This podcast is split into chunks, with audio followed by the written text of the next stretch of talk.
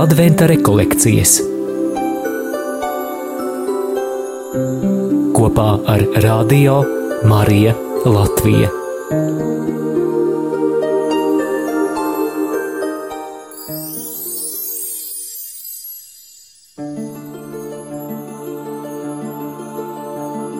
Šodien esam aicināti mazliet aizdomāties par tā saucamām jēkabā kāpnēm.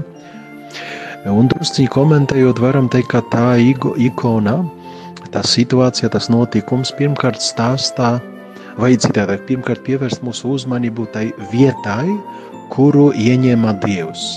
Jo lasām, ka viņš ir kāpņu virsotnē, un no turienes viņš sludina, izsludina savas derības svētību, varam teikt, savu, savu norāda uz savu darbību. E, un tur varam saprast, ka caur to notikumu, caur to simbolisku arī situāciju Dievs ir pāri visam, ka vajag atzīt, ka Viņš ir kungs, ka Viņš ir valdnieks. E, baznīca dažas lietojam vārdu, ka Viņš ir transcendents, tas ir pāri visam, Viņš pārspēj visu, visu.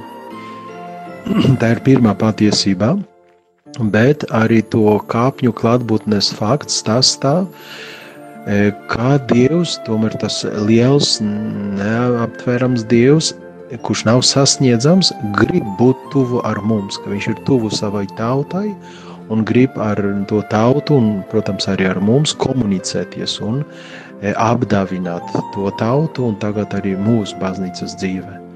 Un par to faktu sevišķi, nu mēs pieminēju, kā lāsām redzot kāpnes kā tādas, bet arī kā pa tām staiga eņģeļi. Viņi staigā uz leju un uz augšu. Un tur notika tāda, varam teikt, apmaiņā. Ja jums patiktu vārds, varam teikt, ka viņi ir kā dieva sūtņi un pastnieki. O. Tādēļ tas otrais punkts tajā vīzijā mm, liek mums domāt, ka Dievs ir ļoti tuvu un mēs baznīcā lieto to vārdu, viņš ir immanents, viņš ir tuvu savai rādībai, tuvu saviem bērniem. E, un e, sevišķi adventā laikā, mēs šeit varētu likt to vārdu, kurš skan arī liturģiskos lasījumus, ka viņš ir Emanuels, viņš ir Dievs, kurš ir tuvu ar mums, tuvu katram no mums.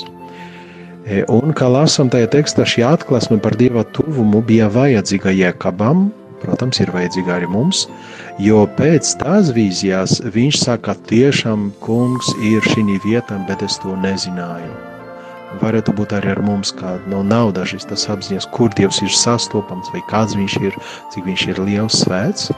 Bet arī tas notikums, protams, pārliecina Iekabu un pārliecina mūs, ka Dievs gaida arī cilvēka mīlestību, grib to apmaiņu starp viņu pašu un mums, un starp mums un viņu pašu. Viņš grib dāvināt savu mīlestību, bet grib pieņemt arī to, teiksim, mazo cilvēka mīlestību.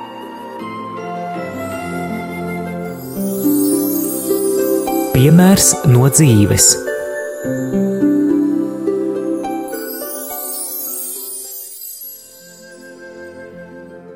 Kāpnes man pašai nozīmē doties uz augšu, tuvāk dievam, vai, ja es esmu nedaudz grēkojusi, tas nozīmē attālinājusies no dieva, tad kāpju lejā.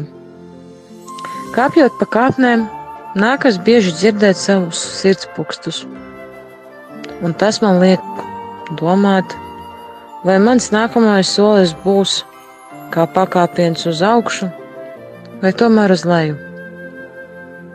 Svarīgi man ir apzināties arī, kādā veidā es dodos pa šīm kāpnēm. Ja veicu sarunu ar Dievu, tad ar prieku to daru vai man ir lielisks noskaņojums. Es varu pateikties Dievam par visu. Tad es kāpju augšup. Bet, ja iekšēji jūtos dusmīga, manī daudz krājās negatīvā, tad jau kāpju arī lejā.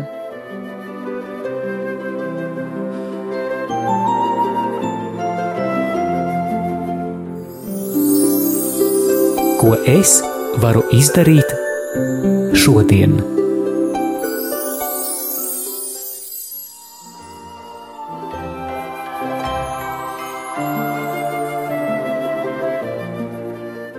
varam domāt un lūgt, kādas dāvanas, žēlastības no Dieva vajadzētu mums saņemt. Svarīgi būtu to skaidri nosaukt vārdā atklātība, bet arī apņemties, nu, censties uzdāvināt kaut ko dievam. Protams, tur sevišķi mūsu mīlestības darbi, mūsu nodomi, kurus liekam darbos, it sevišķi mīlot tuvos. E, nākamā lieta varam pajautāt par savām attiecībām ar vecākiem, jo tur ir runa par arī tādu saturu, cik lielā mērā e, ir mūsos cieņa pret viņiem, ka viņi ir tiešām pāri mums ir kā autoritāte. Be, un e, varam teikt, arī kad saņemam no viņiem tik daudz, staigājot pa dzīves tam kāpnēm, esam saņēmuši nu, daudz, daudz dāvanu, vai tagad cenšamies apdāvināt arī viņus, tā kā uzkāpt augstāk pie viņiem, pie tā vecuma, nespēka vai slimības, lai iepriecinātu un stiprinātu viņus. E, tālāk, ja šī tikšanās ar Dievu ir, pēc šīs tikšanās ar Dievu vieta tika nosaukta Bētelē, Dieva mājā, tur cilvēks satiekās ar Dievu, ar viņa mīlestību, varam jautāt, cik dārgi mums ir dievnāmi, cik bieži pateicamies par baznīcām mūsu zemē, bet arī saskaņā ar patiesību, par kuru atgādina e, baznīcas bauštī. Nu, varam jautāt, vai cenšamies uzturēt baznīcas ar ziedojumiem, ar saviem nu, darbiem, dažādiem izdarītiem, ar kalpošanu pie altāra, piemēram, vai ar dažādām nu, citām e, draudzes vajadzībām, kurās mēs piedalāmies aktīvi. Ja pēc piedzīvotā iekāpa atstāja akmeni kā piemineklī tam, kas notika, varu jautāt, cik bieži es biju līdz šim spējīgs liecināt par Dieva klātbūtni manā dzīvē, par dāvanām, kuras saņemu no viņa, un vai man ir apņemšanās nākotnē nekad neizvairīties no tādām situācijām, e, kad es varēšu liecināt par Dieva tuvumu un tādējādi rūpēties arī par viņa godību. Tā gatavība likt tādu akmeni kaut caur saviem vārdiem, caur savu liecību. Adventa rekolekcijas kopā ar Radio Mariju Latviju.